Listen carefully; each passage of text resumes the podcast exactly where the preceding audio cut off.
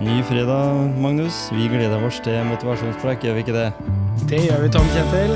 Og så er det en fantastisk gjest som er her i dag òg. Vi er heldige.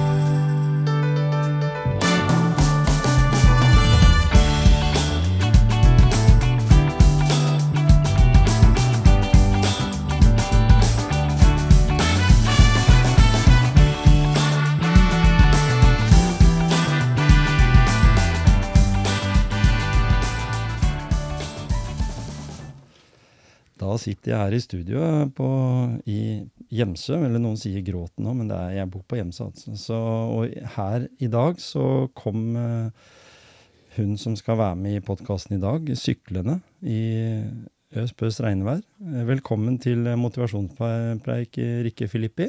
Takk skal du ha, Tom Kjetil. Jeg uh, hører jo det at du ikke er fra Skien. Du må Nei. fortelle litt om deg sjøl. Hvor, hvor kommer du fra? Eh, Eh, Norge, regner jeg med, men Norge, ja. det gjør jeg. Um, liten fun fact. Jeg ble norsk statsborger i 91 fordi jeg er født med tysk far på en tid da man automatisk arva foreldrenes ikke sant? statsborgerskap. Så, Ja. så uh, hva vi skal si, innvandrer. Eh, ja. Ja. Født og oppvokst i Norge, aldri bodd noen annen plass, men jeg er innvandrer. Ja. Men ja, jeg kommer fra et eh, lite sted i midten av Troms som heter Finnsnes, med 5000 innbyggere ca. Mm. Så eh, hva jeg skal si Vintersykling har jo vært en eh, del av meg siden jeg var barn. ja, for det har du jo liksom sikkert god erfaring med. Hvordan du skal sykle med en eh, Den gangen du vokste opp, så var det sikkert vanlige sykler å sykle med. Det var ikke så stort utvalg som det finnes i dag. Nei, altså, du hadde jo stort sett syv gir, eh, tre eller syv gir på sykkelen, eh, vanlige, normale små dekk. og det var jo ikke akkurat snakk om at det var piggdekk heller, så Nei, det er- Forandra seg. Det har forandra seg veldig, så jeg har, jeg har noen morsomme historier om møter med snøplogen i 80-sonen eh, på norske, nordnorske bygdeveier. Ja, ikke sant? Ja. Og det var eh, Jeg har jo vært i militæret, faktisk, i Indre Troms. Så jeg Ja. vet jo litt av vei, veiene var jo liksom sånn langt, langt, langt strekk, og så var det noen hus. Og så var det et langt, langt strekk. Så du er vant til å sykle litt distanser, eller mellom venner og sånn? Eller var det at dere bodde tett der? Nei, altså fra jeg var ja, 14-15, så fikk jeg jo lov til å sykle lenger. Eh, sånn at det var jo ikke unormalt å sykle kanskje 9-10 km hver vei eh, for å besøke venner som, som bodde litt unna, da. Så selv om jeg er oppvokst i et sentrum, så, eh, så jeg, var jeg ikke fremmed for å sykle både 8 og 10 og 13 km for å dra på besøk, nei. Og det, og det husker jeg så godt fra den tida der, når vi snakka med lokalbefolkninga. At eh, nei, for at de skulle komme seg på en fest, så kjørte de jo med bil liksom eh, Kunne jo kjøre ti mil. Ja, ja. Men liksom sånn, og ti mil, liksom, vi, da måtte det vært som at vi dro til Tvedestrand. Og, og, hvem, og hvis, vi, hvis jeg skulle ta med noen kompiser og dra til Tvedestrand, eller noe sånt, så, eller, eller Drammen nesten Vi snakker liksom om sånne distanser, da, så det blir liksom litt eh, et litt annet perspektiv, da. Det gjør jo det, og det er klart eh, Jeg hadde Nærmeste kinoen for oss lå jo eh, der hvor du var i militæret, altså i Indre Ja. Troms, så det var jo seks mil hver vei. Sånn at veldig ofte når vi skulle på kino, så var det da enten gjerne en fredag eller en lørdagskveld, eller lørdagskveld som regel. Eh, for da kjørte eh, foreldrene til eh, noen oss opp, og så gikk vi på fem showet, og så var vi og spiste pizza eller burger på sjueren, og så gikk vi på nieren. Ja. Og så ble vi jo da henta sånn i ellevetida, gjerne av mine foreldre, som syntes det var greit å være seint oppe. Da fikk du dobbel dose. ja, ja. Det, du, du dro ikke bare på én kino Nei, når foreldrene måtte kjøre deg seks mil hver vei, for å si det sånn. Og det, var, og det var den gangen det gikk an å dra på kino, da, for jeg var her på kino her forledende, og nå har det kommet opp i 150 kroner per billett. Jeg syns det var mye. Men Ja. Det er kanskje blitt dyre, dyrere å drive kinoer i dag. Jeg vet ikke. Det var jo mye kommunale før, så i dag så er vel eh, private kinoer som skal tjene litt penger òg. Ja, og så er det klart at det er jo noe med kostnader og det ja, alt, er dyrere nå. Alt er dyrere. Så det, men, men jeg tror jo at det har litt med å gjøre med at man eh, Altså, vi har jo sett den prisøkninga over flere år, og nå, jeg tror ikke jeg skal begi meg ut på noen forklaring på billettpriser på kino, men, men, vi kan jo konkludere med at med unntak av teknisk utstyr, som mm. vi snakka litt om før ja. vi starta, så er jo veldig mye blitt dyrere de siste ja, årene. Ikke sant. Men én ting som ikke har blitt dyrere, det er å sykle, for det er fortsatt helt gratis. Det er det. Og du er engasjert fordi du er egentlig det som vi kaller for kampanjeansvarlig i Bypakke Grenland. Det er jeg. Ja, Spennende jobb. Veldig spennende. Uh, det er det. Um, det er å få lov til å uh, prøve å motivere folk til å velge noe annet enn bilen når man kan. Mm. Uh, og selvfølgelig, det er når vi må, og når vi ikke orker, så er det helt kurant å bruke bilen. Mm. Men, men, det skal Jeg tror jo på at vi får en bedre hverdag med å være mer fysisk aktiv enn å kjøre til absolutt alt vi skal. Mm. Uh, og det er jo ikke mange år siden. Altså, som du hører, jeg var jo en veldig aktiv syklist når jeg voksa opp. Uh, og for noen år siden så var jeg litt sånn Ja, jeg hadde vært og handla på downtown, og så skulle jeg på en måte litt bortover i Storgata. Uh, og da ble det en liten vekker, når, når, det mest naturlige var å faktisk gå og sette seg i bilen og kjøre de 400-500 meterne oppover mm. i gata, for så å begynne å lete etter en ny parkeringsplass. Mm. Og da var det bare sånn Ok, det her er en ryggmargsrefleks. Som jeg egentlig ikke lenger føler meg komfortabel med at jeg har. Nei, ikke sant?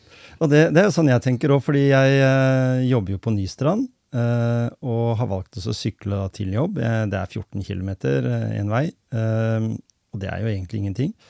Uh, og når jeg da sykler hjem igjen, for jeg jobber på natt, og da når jeg sykler hjem på morgenen, så er det veldig deilig å kjøre Valmyran og så se at jeg kjører fra, eller sykler ifra alle bilene som står i kø. Og de gangene jeg står sjøl i kø som jeg må ha bil, så bruker jeg omtrent samme tida. Hjem, mm. i hvert fall. Ja. Så, mm. så, sånn gjennom uh, liksom, den traseen og Porsgrunn og alt, så, og jeg tar på litt på veien hjem, da, så bruker jeg omtrent samme tida som jeg ville gjort med bil. Men jeg kan spare litt tid på kveldene, da, og det er litt sånn litt mer pes å sykle til jobb eh, klokka halv elleve på kvelden. Liksom. I hvert fall, hvert fall nå. Men allikevel, det er veldig deilig å, å, å føle på det. Og du, som du sier, eh, dette her med at det har jo noe med helsa vår. Eh, dette har med at vi Eh, får en bedre fysisk hverdag, eh, og også en bedre psykisk hverdag. Fordi det er ikke ukjent navn du kommer Altså, Rikke, du er jo kjent fra Mental Helse òg? Ja. Det var der du var før du kom i Bypakka? Ja. Jeg jobba fem år som prosjektleder eh, nasjonalt for Verdensdagen for psykisk helse, som jo nå er rett rundt hjørnet. Ikke sant? 10. Um, oktober. 10. oktober. Mm. Så da er det om å gjøre å markere der hvor man kan. Ja. Um, og så er det klart at psykisk helse er noe vi ikke bare skal ha fokus på én dag i året. Nei, ikke sant? Der tenker jeg jo litt at um, det med fysisk aktivitet er jo vitenskapelig bevist gjennom forskning at er noe av det som hjelper mest mot uh, psykiske helseplager. Mm. Sånn at det å uh, Det er på en måte litt min inngangsport til det å oppfordre folk til å la bilen stå litt mer, da, er jo nettopp det med at jeg tror at det ligger en livskvalitet uh, i å velge aktivitet i hverdagen. Mm. Og det ser jeg jo ofte tilbakemeldingen en får, da, hvis en kommenterer på sosiale medier i hvert fall, at uh, ja, ja, men du tok jo kan sykle til byen, og det er så kort vei, og ja, men så hva da med alle bæreposene jeg tar fra handelen? Jeg, jeg, prøver jo i hvert fall å påvirke til å få flest mulig til å sykle, men um, du, jeg sier ikke at du skal ta ukeshandelen på sykkel. For det, da, da, kan du ha sånne svære sånne vesker bak, for det går an, det òg. Men jeg, sier, jeg, tenker at de turene du har tenkt å dra på kafé med noen venner, eh, at, du har, at, du har, behov for bare inn og handle en liten ting på Litorvet, her, i hvert fall for oss her i Skien, da, eller sånn, at det er mulighetene du har da til å sykle. Eh, ikke nødvendigvis å handle fire bæreposer på Meny. Uh, er, det, er, det, sånn du tenker òg? At alt, alt, med rett tid? Ja, og, og, det er jo litt det som ligger mm. i å, å, ta bilen når man må. Ja. Eh, for eh, tre år siden, tror jeg det var, så hadde vi jo en sånn der eh, ta julehandelen bilfri-kampanje. og eh, ble jo ganske mye harselert med med at jaha, men du skal ha med deg juletre og, og fire bæreposer og sånt. Eh, og som jeg sier, at det, er selv, det er klart at, at storhandelen til jul tar ikke jeg på sykkelen. Det gjør jeg ikke. Men som du sier, uh, de to-tre små julegavene som jeg kan slenge i ryggsekken, eh, den turen med ei venninne hvor jeg setter meg på kafé og bare skal vindusshoppe litt altså, det, det gir en helt klar en, en mye større frihet, da. Og så er det jo Om du tar bussen, eller om du sykler, eller om du går, det, det spiller jo egentlig ingen rolle. Eh, på alle de tre måtene så vil du mest sannsynlig være mer fysisk aktiv enn det du er hvis du setter deg i bil. Nemlig. Og når du da eh, har den erfaringa du har med mental helse, eh, så må du jo vært på et tidspunkt der du fant en motivasjon, da, siden vi er i motivasjonspreik, så du fant en motivasjon eller ble påvirka til å gjøre det valget, fordi det med bypakke Du behøvde ikke å bla mer enn to sider i avisa, så fant du ut at det der var mye motstand. Det var noe som folk tenkte at ja, ja, nå skal de flå oss enda mer for, for, med bommer både her og der. Eh, det må allikevel da ha vært noe, for du, du, du hadde vel ikke noe gitt arbeidsinstruks akkurat på første intervjuet da, vil jeg tro.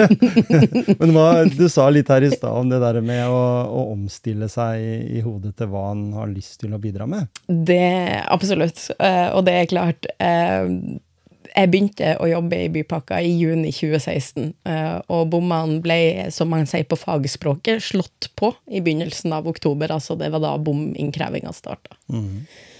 Så jeg skal jo være såpass ærlig at når jeg hadde vært på det første intervjuet eh, og, og satt etterpå, så tenkte jeg jeg jobber med noe som betyr masse for meg, som eh, gjør at jeg føler at jeg gjør en forskjell i folks sitt liv.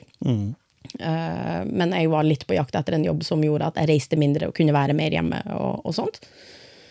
Eh, og så hadde jeg med en prat med personallederen min, og han uh, Så sier jeg at vet du, jeg tror ikke, hvis jeg blir kalt inn til andregangsintervju, så vet jeg ikke om jeg skal stille, for jeg, jeg kan ikke selge bom. Jeg har ikke trua på bom. Uh, jeg er ikke noe glad i bom.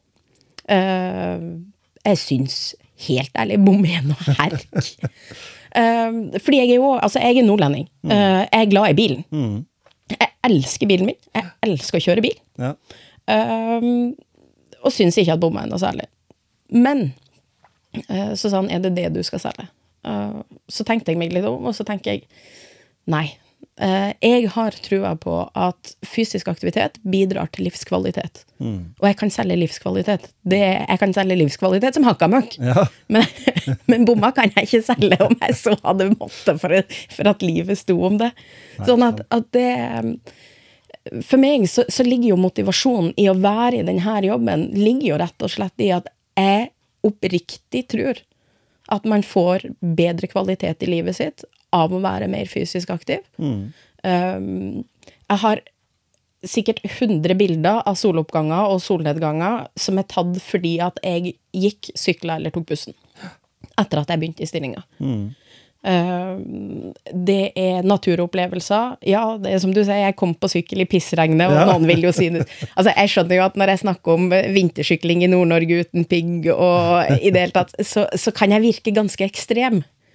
Eh, og går du da seks-syv år tilbake i tid, så tok jeg ikke Jeg tok jo ikke bussen engang. Sånn at ehm, Ja, jeg kan forstå at det virker ekstremt i dag, men det er fordi at jeg ser at det her gjør meg godt.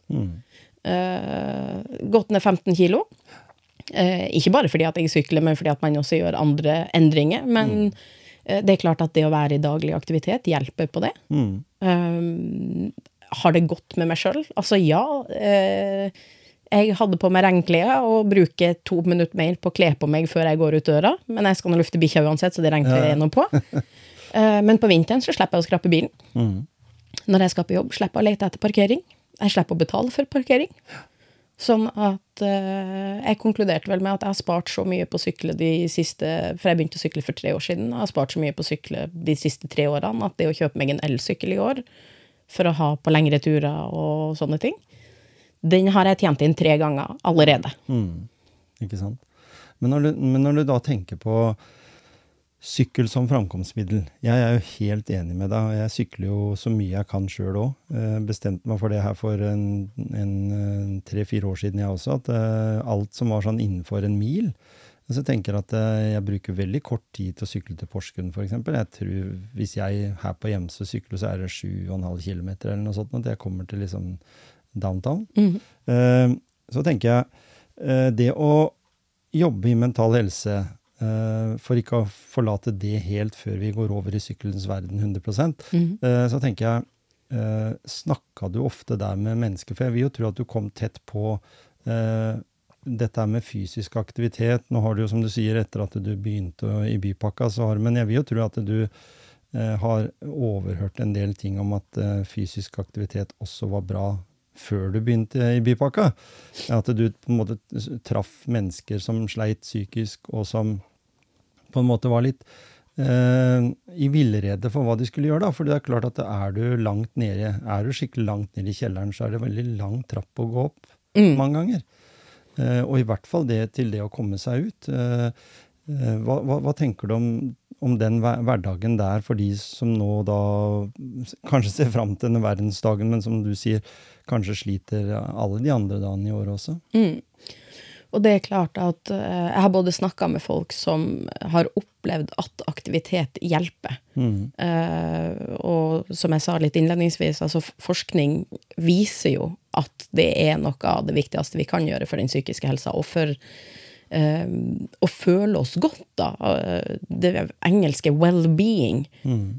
så er fysisk aktivitet en av de fem grunnpilarene for hva vi kan gjøre for å få det bedre med oss sjøl. Mm. Sånn at eh, jeg har både, la oss kalle det sannhetsvitner i folk jeg har snakka med, og, og lest mye i forhold til forskning på området. Mm. Eh, og det er klart at, at den, den dørstokkmila, den dørstokken, er steinhard til å begynne med. Ja. Og den er så høy at det den føles jo som Mount Everest noen ganger. Så, sånn at det er uh, Jeg mener jo at for noen som har blitt Som har, har det så tungt at det eneste man gjør omtrent, er å sitte uh, inne og ha det fælt, da. Så er det å komme seg ut og begynne å være i aktivitet, er en like stor bragd som en, en, en fjellklatrer som, som tar seg opp på Mount Everest. Nemlig. Og kanskje noen ganger enda vanskeligere. Fordi, fordi på en måte en, en er ikke innstilt. Altså, de som går til Mount Everest, de er jo tross, de er i hvert fall tuna for det de skal være med på. Eh, men når vi da snakker om den, eh, den biten der, eh, dette med å, med å forsøke å komme seg ut, så sa jo min gode venn Gisle Johnsen og jeg, vi snakka jo ofte om det her med å bare føle at eh, motivasjonspreik kunne være en motivasjon til én person å komme seg opp av sofaen. Eh, og bare det å komme seg opp av sofaen er jo en vei å gå. Jeg har snakka med mange folk opp gjennom de siste åra, og også dette her med å um, Når du har vært ute på de heftigste turene, altså med sykkel, det må jeg jo si sjøl òg, der jeg har vært uh, Jeg kan ta et eksempel. Jeg sykla Jeg hadde akkurat fått eh, fatbiken, som jeg bruker mye. Jeg har ikke noen pigger på den, men jeg sykla opp til Vealøs.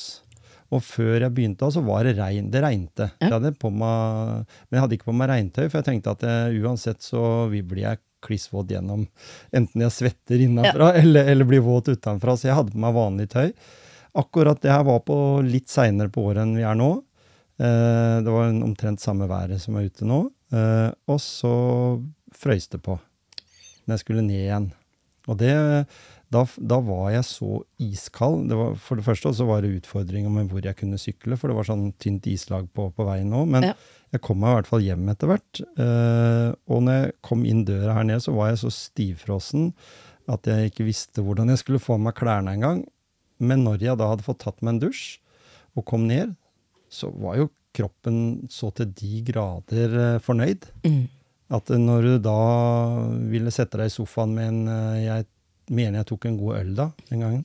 Skulle se et eller annet på TV, så tenkte jeg fy søren så deilig det var. Kroppen føltes så takknemlig, den òg. Og den mentale topplokket var også veldig forsynt, og hadde en opplevelse som jeg kunne se tilbake på, og som jeg kan fortelle om her nå, da, og som jeg har helt sikkert fortalt andre også.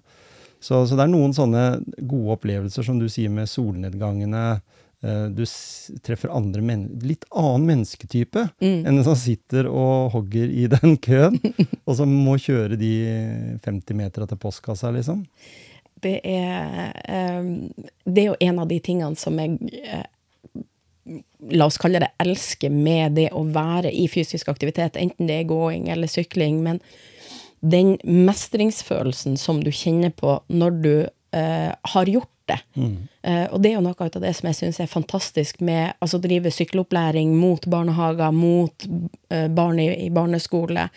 Det er jo nettopp at uh, vi får muligheten til å gi eh, barn og unge en selvstendighet, en mestringsfølelse. Eh, en kollega av meg hadde ei datter som, som ville sykle på trening. Eh, og mor var litt sånn 'ja, men er du sikker på det?' Og, og ungen bare 'ja, men jeg vil'.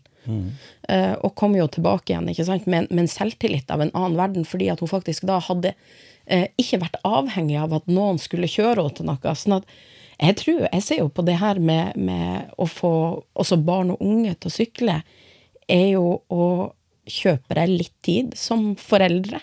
Fordi at du kan frigjøre den kjøringa til og fra ting. Pluss at ungene dine de slipper å sitte og vente på at du har tid til å kjøre dem til ting. Så uh, nå kjenner jeg jo at jeg skar litt ut til høyre her. Eh, og valgte et litt annet spor. spor. Syns det var bra, jeg. Ja. Men, men i forhold til det med å komme seg ut og den dørstokken og det, så er det jo eh, Verdensdagen hadde for noen år siden eh, en, eh, altså et, et, en, en arrangementstype som vi kalte for walk and talk. Eh, og det går jo rett og slett på at jeg tror de aller fleste av oss har opplevd at er vi ute og går en tur sammen med noen, så er det lettere å faktisk snakke litt og, og åpne seg enn om man sitter på en kafé eller hjemme. Eh, Sånn at den fysiske aktiviteten er også med på å bryte ned barrierer i forhold til å kunne snakke. Eh, og det tror jeg gjelder kanskje særlig for menn, da. Eh, du slipper å sitte og stirre kompisen din inn i øynene og, og ha en dyp samtale om hvordan du har det. Du tar deg en tur, og det regner, og det, eller det er finvær, og, og, og så får du den fysiske aktiviteten som gjør at kroppen slapper litt av, og gjør at ting er litt enklere å, å forholde seg til. Og så er det klart at fysisk aktivitet det utløser jo en hel masse gode hormoner som også gjør at vi føler oss bedre bare av det. Mm. Og det husker jeg en vi hadde med i en tidligere episode, Arne Hjeltnes, som er kjent fra TV. Han, eh, når han jobba i et eh, forlag, eh, så gikk, alt, så gikk Erling Kagge faktisk alltid tur under møter. Planleggingsmøter, f.eks. Ja. At det blei en annen greie. Det eneste som var problematisk for de som fulgte med, da, det var å skrive notater. Men da måtte du bruke huet. Ja. Så det er en god kombo der, da. Ja. Eh, og, og sånn, så akkurat den, den måten du tenker på der, og den syns jeg er utrolig bra. For jeg mener jo det at eh, ut fra å ha snakka med en del, i og med at jeg jobber i helsevesenet, så har jeg snakka med mange som, som har slitt og savna f.eks. prosjekter i kommunen der de har vært en gruppe som har gått her, sånn som i Skien, da, i Fritidsparken, eller andre steder, eh, og det prosjektet ikke består lenger, f.eks., så har de jo bygd seg opp til å fått noen venner, og de fortsetter å gå.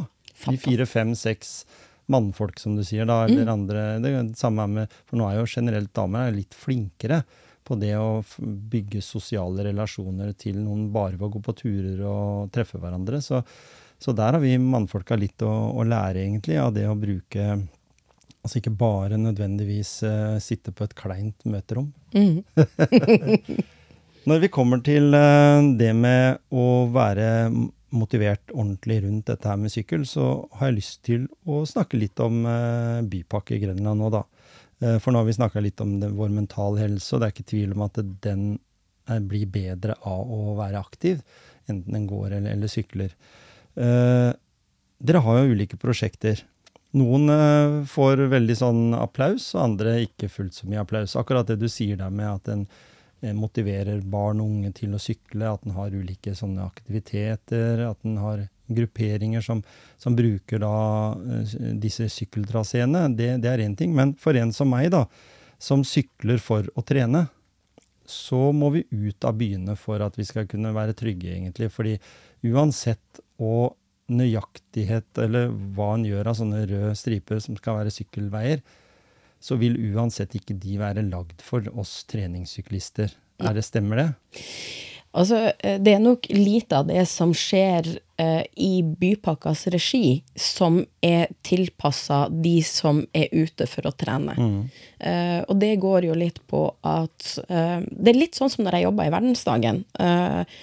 Da ble vi ofte kritisert for at vi ikke gjorde nok for de som eh, var syke, altså de som hadde litt tyngre diagnoser. Eh, og da sa jeg noe om at vi må jobbe for at så mange som mulig føler at psykisk helse har noe med dem å gjøre. Eh, sånn at vi gikk litt etter at det er bedre at vi jobber for at 80% føler at det her er noe som favner dem.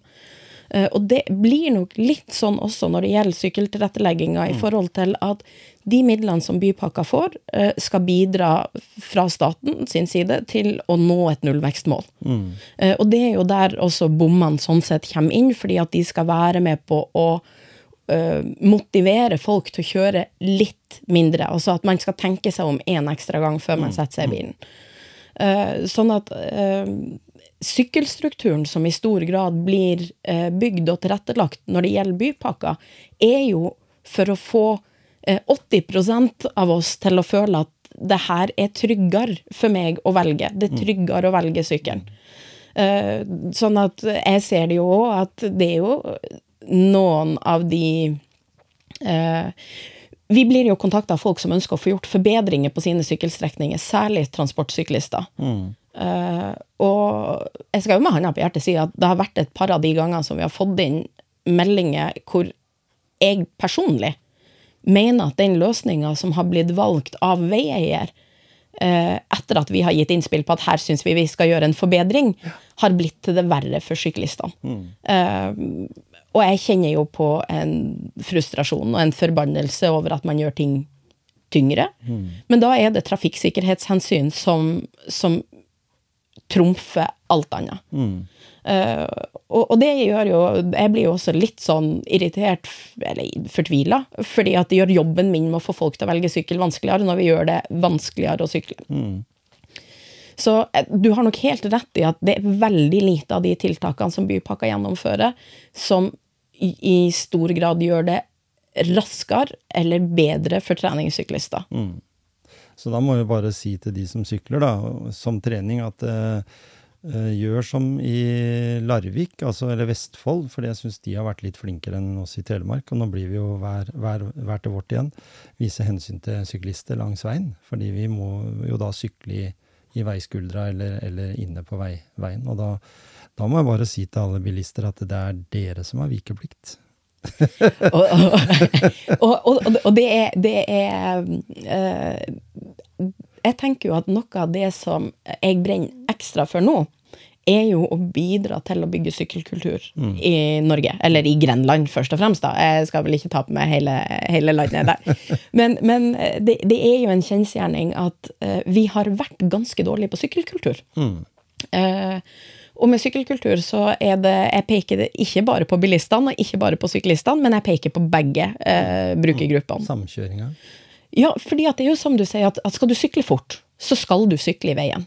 Eh, sykler du på GS-vei, eller altså gang- og sykkelvei, eller du sykler på fortau, sykler du på fortau, så er du eh, Da har du jo ikke fremdrift noe særlig for oss som, som ønsker å komme fram dit vi skal. Eh, og sykler du på GSV, så skal du uansett lovpålagt ned i det seks kilometer i timen ved passering av folk. Og det er jo som du sier, at er du ute for å trene, eh, og du da har vikeplikt i alle kryss eh, for både gående og syklende, nei, gående og kjørende, eh, og du skal passe på at du ikke blir med av en bil som ikke ser at du ligger på gang, og sykkelveien. Altså, så- men, men jeg opplever som sagt, jeg begynte å sykle for ca. tre år siden, og jeg opplever at kontakten min med bilistene har blitt bedre på de tre årene. Eh, Det er færre ganger jeg må gå av sykkelen for å gå av over fotgjengerfeltet. Flere har blitt oppmerksom på at jeg ligger på GS-veien eh, og venter med å kjøre til jeg har fått passert. Eh, sånn at gjennomsnittshastigheten min har nok tatt seg opp litt. Grann. Eh, og jeg er av dem som Jeg legger meg ut i veien når jeg føler at jeg må for å opprettholde fart, men ellers så sykler jeg veldig gjerne på GSV eller eller i de røde sykkelfeltene.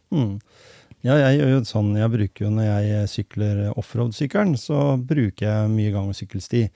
Uh, men det er sånn at uh, hvis jeg herfra til Porsgrunn skal sykle, så har jeg 28 utkjøringer via gang- og sykkelstien. Du har Stort dem! Ja, ja, ja, Ja. det har jeg gjort. Og det, da blir det ganske mange, liksom, sånn i forhold til at du har vikeplikt. Så jeg tenker at, som du sier, bilistene har blitt mye flinkere. De stopper. De stopper ikke tvers over, altså rett over gangfeltet så ofte lenger. Jeg hadde faktisk et eksempel her når jeg sykla fra Porsgrunn her eh, i i forrige uke. Så var det en som rygga tilbake. En taxisjåfør, faktisk. Så han, all ære til han. Han rygga tilbake for å slippe meg fram bort ute ved Nenset. For der er jo en del utkjøringer Ja. i det strekket, strekket der nå. En del trafikk. Så det var veldig bra. Ja. Eh, og da har jeg lyst til å tenke, si at eh, jeg var på et bypakkemøte som dere hadde inn på sitt ned i Skien, og da snakka dere jo om framtidige prosjekter, eh, om hva som skjer.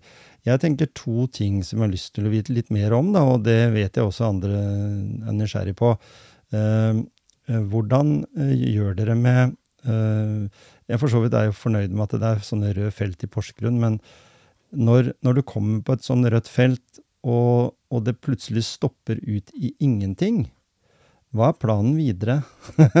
For da er det da at da, hvis du er en sånn morsom Eller hvis du bare er sånn ute for å sykle fordi du skal forflytte deg fra A til B, på, ikke på treningssammenheng, men du er bare ute for Du valgte sykkel framfor bil. Mm. Så, så har jo Porsgrunn blitt veldig bra. eh, For jeg sier at eh, hvis du ikke vil utsette deg sjøl for ulykker og sånn, så ikke sykkel på den veien nærmest elva, men sykkel på den over, for der er det markering både på høyre og venstre side. Mm.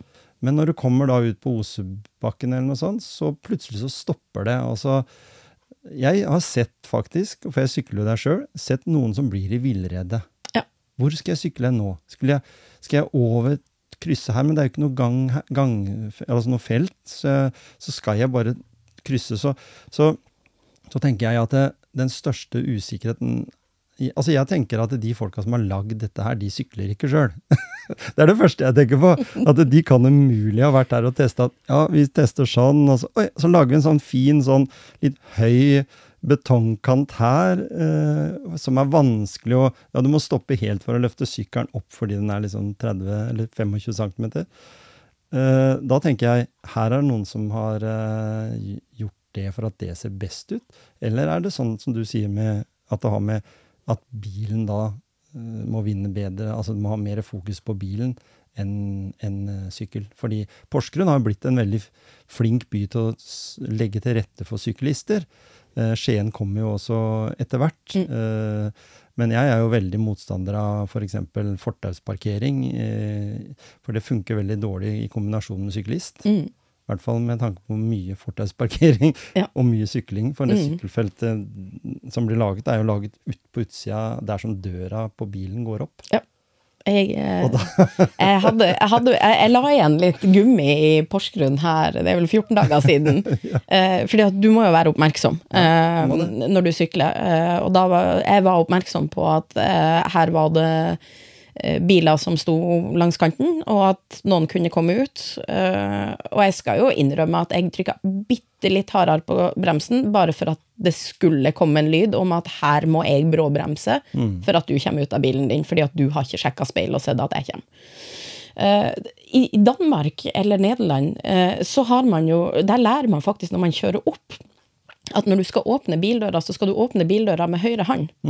Eh, og det bidrar jo til at du automatisk vrir på overkroppen, og at du da vil se i større grad hvis noen ligger i blindsonen din. Sånn at uh, jeg kunne jo litt tenke meg at vi, at vi oppfordrer bilister til faktisk å åpne bildøra med høyre hånd. Eh, fordi at man da automatisk må se litt mer, og særlig da hvis man står på en kantparkering. Eh, så er det til det med, med byggeprosjekter. Eh, vi var på sykkelbefaring her halvannen uke siden, tror jeg, og da sykla vi mellom Skien og Porsgrunn, eh, og så på en del av eh, det som har blitt bygd, og en del potensielle nye sløyfer etter hvert. Eh, og en av de tingene som fascinerer meg utrolig uh, når det gjelder en del av de nye prosjektene, er jo nettopp det her med sånn som det var eh, oppe ved, ved Saga. Eh, hvor man klarer å bygge en kant som er så høy at hadde du kommet med rullestol, så hadde du tippa. Eh, og at du da tvinger både syklister og faktisk rullestolbrukere uh, til å kjøre rundt ei trafikkøy i stedet for over. Eh, og, og det er um, det, Vi jobber med å få det her helt ut i alle ledd. Men, men det er som du sier, at noen av dem som eh, bygger er helt klart Altså, noen av dem som bygger, og noen av dem som driver med drift og vintervedlikehold, er ikke syklister. Nei, ikke sant? Eh, og da, da følger man noen håndbøker og noen standarder eh, som ikke nødvendigvis har tatt opp i seg eh, hva som er fornuftig. For jeg har òg kommet eh, Sverres gate til Osebakken og den rundkjøringa der, og du ligger i et flott sykkelfelt. Og så plutselig så smalna sykkelfeltet av, og jeg tenkte øh, Ja. ok, men det senker litt ned, så jeg kan komme meg opp på GS-veien. Eh, Og den kanten var såpass skarp at jeg var glad for at jeg hadde uh, mine terrengdekk. Ja, For ellers så hadde jeg tryna. ja ikke sant? Eh, og da, da eh, Vi er egentlig avhengig av at flere syklister melder tilbake igjen til oss om sånne ting. Fordi at eh, ja, eh, nå er det jo sånn at jeg begynte som, som busspassasjer da jeg begynte å jobbe med det jeg jobber med nå. Og så ble jeg syklist. Vi er tre syklister i bypakka. Vi sykler stort sett helårsbasis alle tre nå. Men vi klarer ikke å være overalt. Nei. Sånn at vi er 100 avhengig av gode ambassadører som deg og andre, som gir oss tilbakemelding på at vet dere hva, dette funker ikke. Her er, eh, her er det asfaltkant, nei, eh, betongkanter som er for høy. Eh, nå når vintersesongen kommer, så er vi helt avhengig av at dere melder inn når det er gjort for dårlig vedlikehold. Eh, vi sykler mye, men vi klarer ikke å dekke overalt. Ja, ikke sant? Og Og når du sier det her med, med Har dere noe på nettsida deres, noe sånn varsling? Her kan du gå inn og legge inn eh, en eller annen henvendelse som går på det, nettopp de tinga, eller? Vi, vi har jo direkte link til kommunene sin eh, varslingsside. Eh, og så er det eh, Hvis dere ikke opplever at det blir tatt Hvis dere føler at dere ikke blir tatt på alvor der, eh, så er det rikke.bypakka.no. Ja, Send meg en e-post, så tar jeg det i tillegg via mine kanaler. Eh, For jeg har jo direktekanal inn til kommunene og til Statens vegvesen og til fylkeskommunen eh, som, som veieiere. Så bra. Eh, For, da, for da vet vi i hvert fall at eh, Rikke, du er liksom genuint opptatt av å få flere over på sykkel, så mye de kan. Eh, Men når du nevnte det her Saga, det må jeg nødt til, nødt til å si da, fordi jeg går runda mi veldig mye, den, og da er jeg mye forbi Saga både på rulleski og på sykkel. Og når du da fra Skien til Porsgrunn har eh, tatt bort alle kan, altså Det var en kant som var kanskje fem, fem centimeter høy, da. Eh, så tar du ikke den bort helt, men du beholder en to og en halv. Altså du beholder den betongen der, da. Du bare legger den litt dypere. Så tenker jeg, hvorfor skulle, Er det sånn estetisk eh, at det skal være sånn? Eller sånn? Fordi alle andre vet, vet i hvert fall en tre, fire, fem kanskje av de avkjøringene der, er helt flatt. For vi møter nok av utfordringer med disse her eh, for blinde og svaksynte og universell utforming. Eh, og, og der det blir valgt brostein og store og små stein, og, og du må bare huske på å ikke ha tunga mellom tenna når du er på noen steder, så, så, så kan det være veldig ufordel, altså det er vel lite fordel for bilistene, men også for oss syklister når du kommer der og du liksom over de her Det er veldig ubehagelig. Men, men det skjønte ikke jeg, i hvert fall, når de tok for seg det krysset der. For der, der er det ganske sånn virvar fra før, med litt bilvei her og litt sykkel her, og så er det gangvei. Så, så vi håper jo at eh, Saga som senter, at det blir litt sånn når parkeringshuset kommer på plass og sånn, og Vinmonopolet kommer der, at det blir en, en bedre løsning eh, akkurat der. For det, det er, der er det et potensial der, også ute ved Biltema. Akkurat ja. krysset der. For der, der også går jeg på rulleski. Mm. Der er det umulig å se, for noen tar veldig brei sånn yttersving. Og da må jeg Og jeg har ikke bremser på rulleskia, for å si det sånn, jeg kommer ned bakken der. Og på sykkel, for du kan få noen overraskelser eh, tilsvarende ute på ved Kiwi i Porsgrunn. Der er det veldig bra, for der får du en varsel, sånn blinkere, så da treffer du alltid noen i tunnelen der. Det er Fin løsning. Um, når det gjelder Gråten, så var det en av de stedene som vi stoppa på sykkelbefaringa og var enige om at her er det en del som ikke har blitt ivaretatt. Eh, og da ender man jo opp med spørsmålet hva skjedde egentlig her, sånn at det vil bli evaluert for å Ja. se hvordan vi kan gjøre det bedre. Eh, og da, det, tilbakemeldinga fra uh, fylkeskommunen som veieier der, er at hvis vi skal ha eh, Altså, ting må enda tydeligere fram allerede fra mandatsbasis, når man lager mandatene, eh, på hvordan det skal For ellers så velger man Uh, fort gamle løsninger, eller løsninger man har brukt tidligere, for det er det man har gjort før, og det er det man er vant til. Ja? Så, sånn at det, det her er jo en læringsprosess. Uh, jeg bruker å si det at ja, men jeg tenker jo at folk kan bruke hodet. uh, men det er kjempevanskelig for dem å ha alle eh, trafikantgruppene sine interesser fremst i pannebrasken akkurat når man står på byggefasen. Sånn at det er jeg tror nok ikke at siste ord er sagt når det gjelder Gråten, uten at jeg skal Det er min personlige mening. Jeg skal ikke si at det er bypakka sin. Men, men jeg håper jo at man der skal kunne klare å både få gjort noe mer eh, i forhold til tilrettelegginga. Jeg har jo flere ganger møtt bil i sykkelfeltet der, ikke sant? fordi at man ikke visste at det var et, sy- altså, eller forsto at det var et sykkelfelt. Eh, sånn at uh, jeg tenker at det er, vi er i en kontinuerlig læringsfase. På, Hvor tydelig må ting faktisk være før man setter spaden i jorda, for å være trygg på at den som er prosjektleder eh, og prosjektansvarlig, faktisk eh, har alle hensyn med. Og det der, vi, vi lærer. Vi lærer. Det er jo det eneste jeg kan si, det er at vi, vi blir mer og mer klar over hvilket detaljnivå vi må prøve å ned på. Samtidig som at det gjør jo ting veldig rigid også når man skal bygge, sånn at det er ja, Akkurat når det gjelder, når det gjelder den undergangen på Biltema, så er jo Når jeg snakka i stad om en av de plassene hvor vi har fått tilbakemeldinger på at folk ønsker at vi gjorde noen ting, Ja. og hvor jeg personlig uh, syns at det har blitt mye verre, Ja. så er jo det en av de strekningene. Det er av trafikksikkerhetshensyn der, så i stedet for å male opp ei stripe og sette opp et eh, blinkende skilt, som jeg syns man kunne ha gjort, Mm. så har man smalna av kurven fordi at man skal presse folk lenger ut så du får bedre sikt. Og det er gjort ene og alene av trafikksikkerhetshensyn etter vurdering fra Statens vegvesen og fylkeskommunen. Eh, og så er det blinkende skilt. eh, kan de ikke pga. at det er på Tollnes, der er det én vei inn og én vei ut av undergangen, mens at på Biltema-sida så er det to veier ut. Eh, sånn at det er, en, det er en del ting som ligger til grunn her. Eh, men men uh, for oss syklister så er det jo å, å rulleskøytegåere, og også for så vidt gående, så er det jo blitt syns jeg, dårligere formål. Da, da setter vi opp et, eh, et fareblinkende skilt, eh, uavhengig da, av om det kommer noen eller ikke. Sånn at vi er litt klar over at det er et utsatt punkt, så, Ja. samme som du har på bilveien. Ja. Men at det er en sone her som, som det kan En ulykkesstrekning, som de kaller det.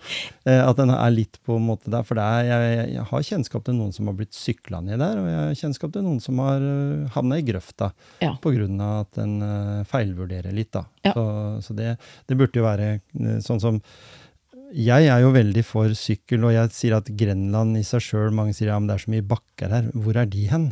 sier jeg. Hvor er alle de bakkene hen? Vi har én liten bakkeknaus i Skien, og så har vi en utafor Porsgrunn, liksom. Da må du liksom ut av Porsgrunn for at du skal oppleve det. Så, så det er bare tull. Altså i dag så, så er syklene med 20 gir eller, eller 10 gir eller hva det er, og, og, og alt med seg. Så, så akkurat å finne gode unnskyldning, det er som røykere. De finner unnskyldning for øh, å ta seg den røyken. Det er litt sånn med, med syklister òg. Jeg, jeg øh, ser at prosjektene dere jobber med, er kjempebra. Jeg vet at dere har rette fokuset. Det er veldig viktig at en har med sånne som, som deg, Rikke, som også sykler. fordi eh, i kommunesammenheng så har jeg en kompis som Hei, forresten, Per.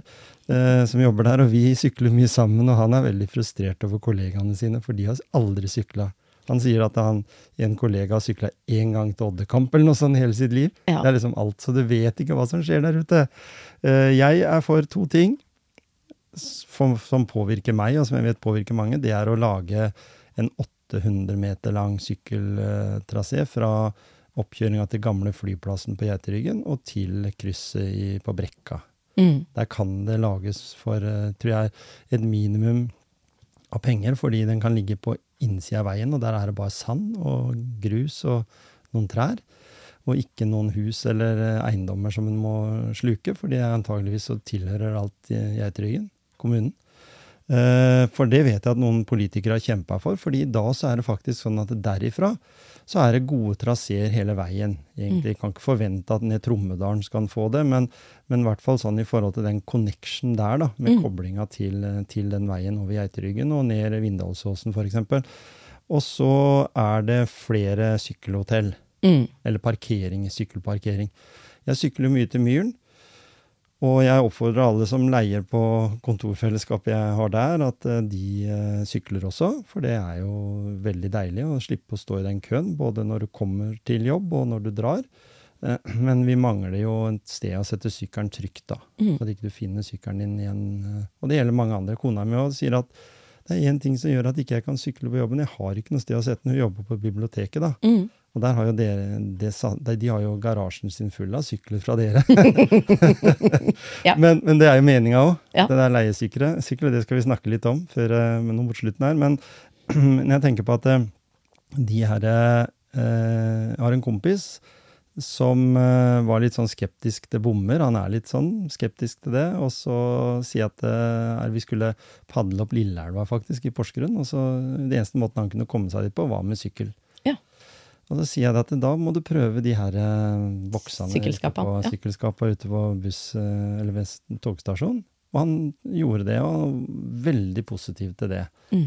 Eh, og sånne burde det vært etta på Myren. Det burde vært litt flere steder, oppe på Gulset. altså Sånne ting, sånn at du vet at jeg trygt kan gå fra sykkelen. For det er det også jeg er mest redd for. Jeg jobber på sykehuset, og der har de laga flere løsninger. Men fortsatt så vet jeg at jeg kan komme dit, og porten står oppe, liksom. Så jeg tar med meg den ned i kjelleren, jeg. Ja. Der låser jeg den fast, til og med. I kjelleren. Ja. For vi har hatt innbrudd, eller folk har kommet inn Mm. og sånn. Så, så for meg så er kun et sånt sted trygt nok. Mm. Et sånt sted der jeg kan lukke en dør. Jeg vet at det er mitt eget ansvar. Hvis den døra er brutt opp, ja, Ja. da kan jeg krangle med forsikringsselskapet mitt. Men, Mm. men allikevel, hvis jeg setter den på en inne inn ved Arkaden eller på sånne jeg som kjører fatbike, får ikke plassert hjulet nedi noen sånne parkeringer. Så, så, så, så ting blir bedre, men jeg tenker at de skapa, også så lenge det er gratis, så gjør det at det er flere sykler enn hvis det skulle koste penger, f.eks. Mm. Fordi da motiverer det, akkurat som jeg mener at bussen burde vært gratis, for da kanskje noen tar buss istedenfor å ta bil. Mm. For å på en måte motivere til kollektivtrafikk og sykkel og, og gangstier. Da. Mm. Um, vi jobber jo med det med å få på plass flere sånne sykkelskap. Mm. eller å flytte om på dem som eventuelt ikke er nok i bruk, da. Mm. men det er en relativt dyr løsning uh, i forhold til innkjøp og sånt. Sånn at det er jo litt begrensa hvor mye vi kan kjøpe inn og plassere ut. Vi driver nå og ser på en tilskuddsordning for bedrifter hvor man kan søke om støtte for å kunne bygge sykkel, eller tryggere sykkelparkering. Eh, og jeg har jo eh, såpass brede dekk eh, og ikke støtte på sykkelen at jeg eh, må jo låse den fast i ting når jeg er rundt. Eh, og foretrekker jo Jeg velger jo faktisk å handle matvarene eh, som ikke handles på ukeshandelen. eh, de småtingene som skal inn nå og da. Handler jeg på butikker der jeg faktisk kan låse fast sykkelen med ramma. Eh, sånn at nå kommer det tryggere sykkelparkeringa, altså rammelåsningsstativer på 12-13 eh, dagligvarebutikker i Grenland. Eh, der får de stativene gratis fra oss, og så må de betale for monteringa og vedlikeholdet av det. Ja, så bra. Så det er en av de støtteordningene vi har lansert. Eh, Så ser vi på eh, mulig flytting av noen av de sykkelskapene som per i dag, eller sykkel, ja, sykkelskapene som per i dag ikke er i bruk, eller brukes lite, for å kunne plassere på mer attraktive punkt. Eh, Så eh, skal vi se Da tror jeg jeg svarte svart to av de tinga. Ja, det var mange ting. Det, det var mange Ja. ting. Jeg var skikkelig ivrig. Ja, ja, det er, fan- det er jo det er helt fantastisk. Eh, Jeg vil Men, også men dere, ja. dere har jo fått litt uh, trafikk i det hotellet, da, oppe ved, ved Det har vi. Nav? Det har vi. Eller ved tidligere Nav? Ja, Uh, der er det, det er en del trafikk. Det de sykkelboksene, eller sykkelskapene som du snakka om i Porsgrunn, Mm. de er jo de mest brukte, de på stasjonen der. Så har vi jo noen på stasjonen i Skien som er en del brukt. Ja, Litt mindre, tenker jeg, for det er færre som mer som bruker buss og andre transportmidler. Eh, Hadde stasjonen ligget I sentrum. i sentrum, Ja. så hadde dere hatt noe helt annet. Yes, eh, så har vi på Skjelsvik, og så har vi oppe i Siljan. Ja. Eh, Og så har vi faktisk to skap ute på Skien fritidspark, så dit kan man sykle trygt. Ja. og parkere sykkelen. Så er det Foreløpig er det jo gratis uh, å parkere der. Eh, der var det Det er vel snakk om at det blir i hvert fall ut året, men det, der kommer det jo også litt an på hvor stor eh, andel vi får av brukere. Eh, og så var det i forhold til gratis buss. ja. Eh, så er det jo ehm, Før koronaen så opplevde vi jo at en del av særlig de avgangene i rushtid, eh, morgen og ettermiddag, blir full, sånn at folk må stå og vente på neste buss. Eh, og gjør vi det da enda billigere enn eh, 425 kroner for et periodekort for voksne og 300 mm, eller 330 for et periodekort for ungdom og unge voksne, så um, det, er, det blir også et kapasitetsproblem Ja. etter hvert. Eh, sånn at, eh, og så er det noe med at grønne avganger, da? Mm. Må ha noen grønne avganger. Ja, Noen avganger som det aldri er buss, eller aldri er folk på. at de kan være eh, subsidiert, da, sånn at du, noen tenker sånn at ja, ja, istedenfor at jeg tar bussen da klokka åtte, da, hvis det er det mest da, jeg tar en halv åtte, da, for da er det alltid ledig plass, eller Det er jo bare sånne små for Grenland er jo ikke større eh, som område enn Det er ikke sånn som når jeg vokste opp, og det gikk leddbuss eh, mellom Skien og på, Eller Vestbussen, og den var stappfull til Hydro. Alle tok bussen da. Hydrobussen? Alle, ja, Hydrobussen. ja. Husker den leddbussen eh, gikk utover en BH-bussene som, som gikk ut til, til Porsgrunn. Det var kjempespennende å sitte på midten i det leddet. Ja, det, det, tror, jeg, det tror jeg på. og, det, og det er klart, altså eh, eh, Da jeg tok bussen før jeg begynte å sykle, så lærte jeg meg jo ganske kjapt til at eh, tok jeg bussen rundt skoletid, så hadde jeg i beste fall ståplass. Eh, I verste fall så måtte jeg vente på neste buss. Eh, og da gikk det jo ikke veldig lang tida, for jeg tenkte at nei, men da drar jeg en halvtime tidligere, eller 20 minutter tidligere, for da er det faktisk to busser imellom. Former våre vaner, ja. Så, Sånn at, at det, det er med på å endre vanene. Um, de jeg snakker med av voksne eh, som ikke velger bussen, velger det Det er få av dem som velger det fordi at det er for dyrt. Eh, de som lar være å ta bussen, har gjerne Da er det mer det at man kanskje bruker tre ganger så lang tid fordi at man må ha et bussbytte. eh, og mer sånne type forhold tror jeg er nødvendigvis prisen som gjør at man velger det bort. ja. Eh, Så kommer det jo nå bysykler. Eh, De skulle egentlig ha vært her. Så har vi noen leveringsutfordringer fra China. ja. Eh, Men hvis alt går etter planen, så blir de nå lansert før jul. Og det blir strøm. Det er elsykler. Elsykler, ja. Yes. Vanlige sykler. Så bra. Uh, og får jo piggdekk på, de som settes ut nå før jul. Eh, sånn at uh, har man ikke sykla el og pigg før, så, eller el på vinteren, så har man i hvert fall støtte av at det er piggdekk på. Så bra. Hvordan funker det systemet sånn rent økonomisk? Altså når du Blir det som med sparkesyklene? Det blir som med sparkesyklene, men, men billigere eh, pris for det. Ja. Mm. Og det vil si, husker, vet du Altså hvis jeg eksempel da kom til Skien med buss, da, Ja. eh, ikke hørte til her, men- og så vil jeg ut eh, og ferdes litt ut til Hercules og sånn, Mm. så går jeg inn og så plukker jeg ut en sykkel på busstorvet antagelig. Ja. Eh, da med piggdekk. Eh, jeg bruker kortet mitt eh, antagelig på samme måten. Mm. Hvordan funker det der da? Fortell hvis du kan det, det, de små detaljene der. For det, det er jeg litt usikker på hvordan Om jeg kan da ta den sykkelen hjem hit, eller, eller bort på Hercules, og så bare la den stå igjen der. Det vil, være, det vil komme parkeringssoner, Mm. sånn at eh, riktig så fri flyt som det er på sparkesyklene, vil Nei, nei. det ikke være. Nei, ikke sant? Eh, men eh, jeg mener at man har lagt opp parkeringssoner på eh, typiske eh, målpunkt. Sånn at hvis du kommer med buss til eh, Landmannstorget, så skal du kunne ta den, og så sykle ut til Hercules. Ja. Mener jeg. Eh, nå eh, gikk jeg glipp av et prosjektmøte der i går, eh, sånn at Du forbereder deg til podkast, du. Eh, og så ehm, blir det Jeg lurer på om det er ti kroner for de første 15 minuttene, eh, eller noe sånt. Sånn at Men der er det jo Nå er det en pilot som blir lansert nå før jul, og så blir det fullskala utover til våren. Sånn at eh, følg litt med på, på Fart og bypakka sine sider, Mm. så vil det komme informasjon så snart at uh, prosjektleder Martine der har fått det helt, uh, helt spikra. Mm. Så bra. Det, der, det er i hvert fall et prosjekt jeg digger. For da har du akkurat de ti minuttene fra byen til Hercules, og fra Hercules tilbake til byen. og du har liksom, Der kan du minske trafikken dramatisk, tror jeg. Også det at du har en vanlig sykkel. fordi jeg er ikke noen motstander av sparke, el- sparkesykler, men, men jeg vet at du får litt uh, motstand i en elsykkel, og da er det ikke bare helt bare uh, walk in the park. Nei. det er liksom litt mer, og det, det er bra. Vi Det- trenger den. For det er jo gjort en undersøkelse, jeg så de faktisk sto fram med den nå, her i denne uka, uh, at de er bekymra for unge mennesker og bruk av elsparkesykkel pga. at den har så lavt aktivitetsnivå fra, fra før. Mm. Vi er jo et land med 75 eh, der 75% av folk er inaktive. Mm. Under, den, under den minste kravet til å være i aktivitet.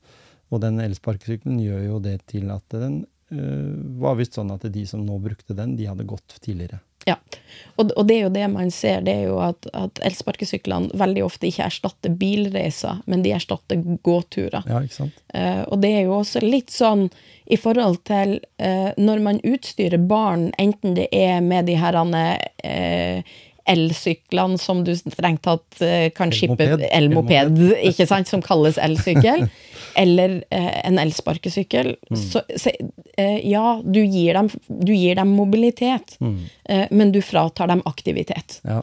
Eh, og vi ser jo når vi gjør undersøkelsene på skolene, for vi kjører jo undersøkelser hver vår og høst i forhold til hvordan barn og unge kommer seg til skolen.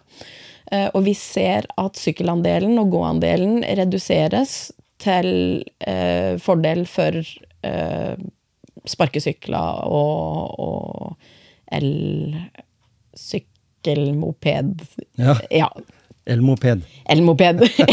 De kaller det for elsykkel. Jeg, ja, syns det er vanskelig å kalle det for det. Det er ja. elsykkel på skiltet, gjør det ikke Yes, det er akkurat det det gjør. Eh, så, sånn at det Så er det eh, for dem som eh, kunne tenke seg å prøve bussen av og til, Mm. så finnes det jo nå Så er det kommet en del nye produkter. Det er sånn Flex 30-30, sånn at hvis du skal ikke ta bussen hver dag, men du tar bussen av til, eh, så kan det lønne seg. Men det som er kult, og det er mulig at jeg nå snakker litt sånn uh, før jeg burde Kanskje Nei, jeg må kanskje ikke si det. For det er vel ikke helt lansert ennå. Vi er klare for nye prosjekter, da. Vi er klare for nye prosjekter. ja. ja. Nye Ja. prosjekter fra Bypakke Grenland. Nei, men, men det, jobbes, det jobbes med å eh, få på plass en løsning som gjør at du som bussbruker alltid betaler best pris, altså det billigste alternativet for deg. Ja. Sånn at da kjøper du øh, enkeltbilletter. Ja. Og når du da kommer opp i at det ville vært billigere for deg å ha en ukesbillett, så Mm. er det det som gjelder. Og når du når opp et antall eh, enkeltbilletter som tilsvarer at det hadde vært billigere for deg å ha et periodekort, så, så stopper du å betale for resten av turene dine Ja, sånn, ja. innenfor en 30-dagersperiode. Genialt. Det er jo bra. Men hvordan registrerer Da er du registrert som bruker, da? Ja, da, da, da må du Og da må du eh, Billettene må kjøpes i appen for at det her skal kunne registreres. Og sånn. Så, sånn at det, det er Men, men det, det jobbes med å finne løsninger som skal Mm. gjøre det lettere eh, å velge kollektivt. Eh, også da med at det kommer bysykler, og, og at vi sper på på mobilitetsfronten. Da kan du parkere bysykkelen ved, ved bussholdeplassen, og så går bussene ofte. Så egentlig så er det bare bortkasta Lag det litt, enda litt mer tungvint for bilistene, sånn at det blir litt mer eh, kø da, og litt trangere og litt mer litt komfortabelt. Så, så, så vinner sykkel og gang og kollektivtrafikk fram. Og så er det jo Det én ting som jeg vil eh, minne bilistene på når de ser oss på sykkel langs veien. Og det er at det at jeg sitter på den sykkelen, betyr at du som bilist har én bil mindre foran deg i køen. Sånn at gi meg, gi meg den tommelen Ja. opp, eller i hvert fall slipp meg fram. Ikke fingeren, Eh, men ikke, tommelen. ikke fingeren, men rett finger. Eh, men, men, men det å, å, å rett og slett minne bilistene på at Mm. de 100 stykkene som de kanskje kjører forbi som sykler, det er 100 biler mindre foran eh, Mm. deg på veien.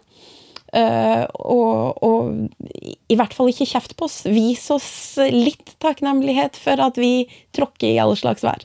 Det var veldig fint eh, du sa, sånn helt eh, på slutten. Det var veldig hyggelig at du kom. Vi kunne prate om sykkel og transportetapper og det ene med det andre. Vi kunne holdt på her i timevis. Men jeg må bare anbefale. Jeg var inne og kikka på Bypakke-nettsida deres. Mm. Eh, bypakka.no. Ja, takk. Eh, og der eh, så de litt om framtidige prosjekter òg. Mm. Litt sånn gang- og sykkelstier, tilpasninger med vei, som kan, kan følge med ganske om, om det påvirker miljøet der du bor. Mm. Er det sånn at du har innvendinger om at det, det skulle jo vært gjort noe her også, så er det mulig å si fra om det.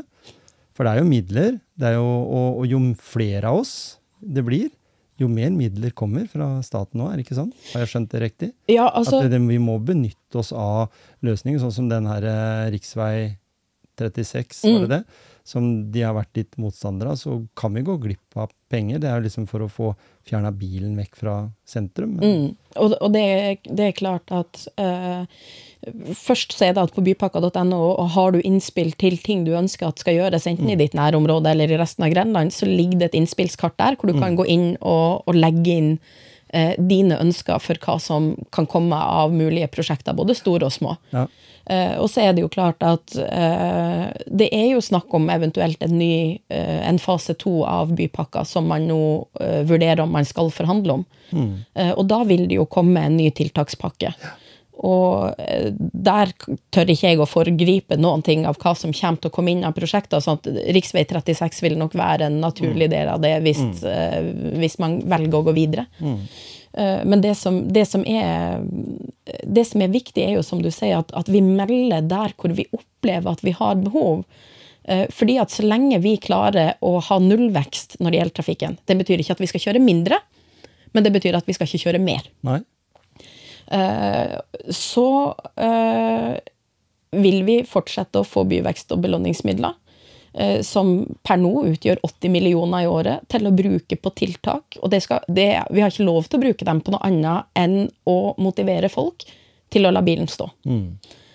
Sånn at det er jo annet de midlene som, som jeg er ansatt for å jobbe med eh, i forhold til da gang-, sykkel- og kollektivtiltak. Eh, og der vet jeg jo Tromsø mista de midlene fra staten fordi at de ikke klarte å overholde nullvekstmålet. Ikke sant?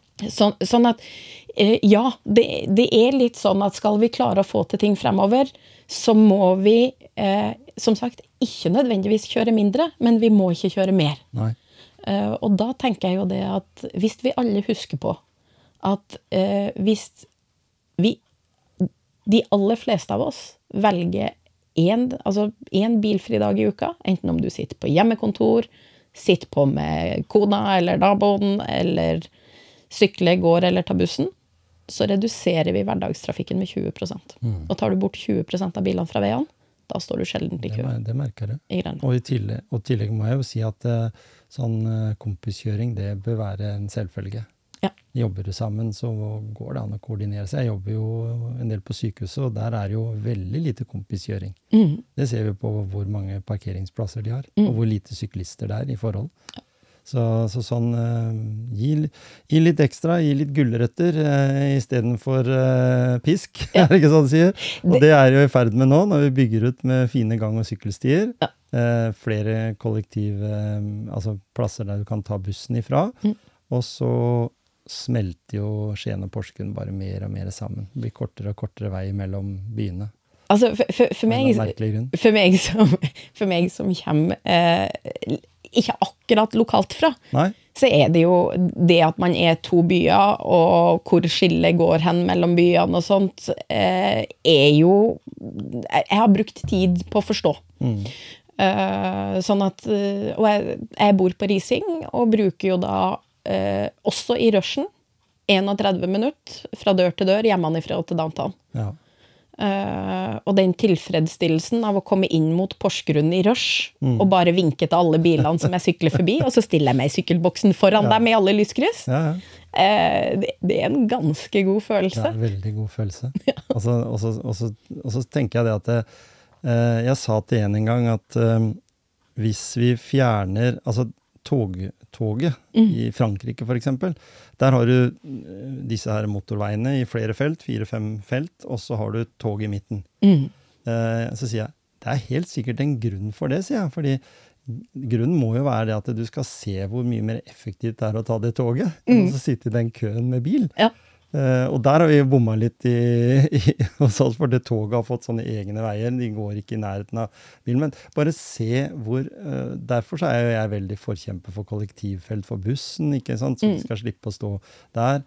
Og uh, sånn som vi hadde med, med i starten elbiler. Nå vet vi jo at elbilene de på i hvert fall sliter like mye på veien som det, som det vanlige, men, men i hvert fall syklister at den legger til rette for det, blir kjempebra. Og jeg tror det er vel en liten sånn grønn eh, stripe som ikke er kobla sammen på Tollnes, tror jeg, eller, ute ved Pors der, som ikke er liksom ellers er rett ved Gompen der. Ja. Som liksom er Bygger vi igjen den, da er byene sammen. Ja. Det er liksom bare Ja, en sånn liten greie. Yes. Vi snakker om 10 meter eller 20 meter, liksom. Det er nesten ingenting. Så, så det blir jo framtida, det. ikke sant? Vi må jo bare innrømme at eh, selv om Skien og Porsgrunn består, det er jo fortsatt en by som heter Brevik, men den er innunder Porsgrunn. ikke Mm. Så, så vi må bare se, effektivisere hele den driftsmodellen der, sånn at vi tenker likt. For Mm. det er noe oppi huet vårt som, som trenger det. det, det, altså, eh, rivalisering kan virke skjerpende, men det kan også virke ødeleggende. Ja. Uh, og så er det jo litt uh, Nå når vintersesongen nærmer seg uh, for oss som ferdes med noe annet enn bilen, Mm. Eh, så er det eh, Så vil jeg bare minne om at eh, en del av dem som driver med drift, ikke alle, men noen av dem, de tror jeg ikke har sittet på et sykkelsete Nei. siden de fikk lappen. Eh, og det kan godt merkes. For deg som sykler til Nystrand, så vil jeg tippe at du kan peke på når man har skifta entreprenør på en del av områdene. Eh, vi eh, legger noen millioner i potten hvert år for at det skal være bedre vintervedlikehold for de som velger å gå og sykle. Sånn at opplever man nå, når vintersesongen kommer, at fortauer eller GS-veier er blitt igjen brøyta når de har brøyta veien og, og ikke åpna igjen, så vær så snill, meld inn til kommunene, meld inn til oss. Mm.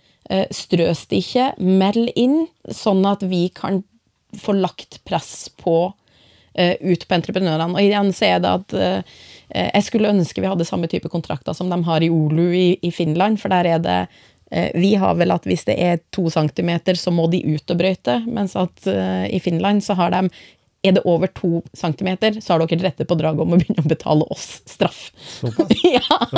Så, så der, der er man ganske frempå. Eh, men man har jo også mer stabile vinterforhold og litt sånn. Ja. Men uh, ja. Men uansett, da, og jeg vil jo si det at uh, jeg vil si til alle der ute, si fra også om en annen ting. Det er det med at uh, gangvei Altså nå kommer det en del sykkelstier, da, eller en sykkeltraseer. De må sopes. Ja.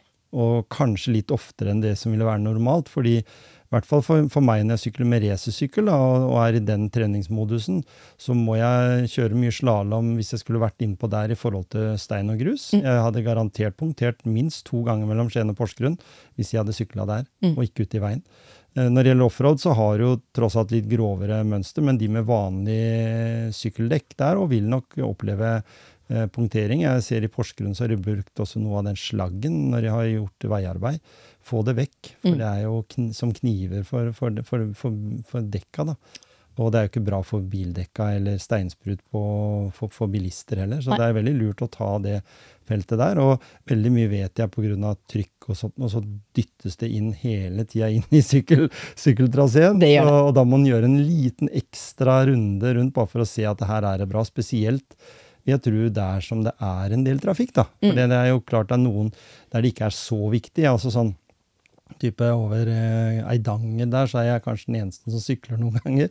Mens nede i sentrum så, så kan det være mye lettere. Jeg sier ikke at noen skal stå med sopekost, men noen ganger faktisk ved overganger og sånn, så burde det vært eh, gjort. Ja, og det er jo eh, som, som busspassasjer for noen år siden, så så jeg jo ei dame på altså, la oss si 85-90, ikke sant, som skulle stavre seg over nesten en meter brøytekant for Ja, ja. å komme seg fra bussholdeplassen og inn på bussen. Ikke sant? Eh, sånn at vi, vi er Men vi er, vi er 100% avhengig av dere som gode ambassadører ute. Mm. Må si. Eh, at man sier ifra om at ting ikke er som det burde, eh, og melder fra også når det er eh, det er klart, vi, vi får dem ikke til å kjøre kontinuerlig for å holde det tomt for stein og, og løv, sånn som det er nå. Og det vet jo både du og jeg. Løv, vått løv, det er sleipt å komme på med sykkeldekk. Det, det er ganske, ganske sleipt hvis du kommer rundt en sving og ikke er helt forberedt på det òg. Ja, Så, så det er, naturen, det er naturens gang. Men det er lurt å være litt obs på det, gjøre et lite notat, kanskje si fra, da, for det er jo ikke alltid at,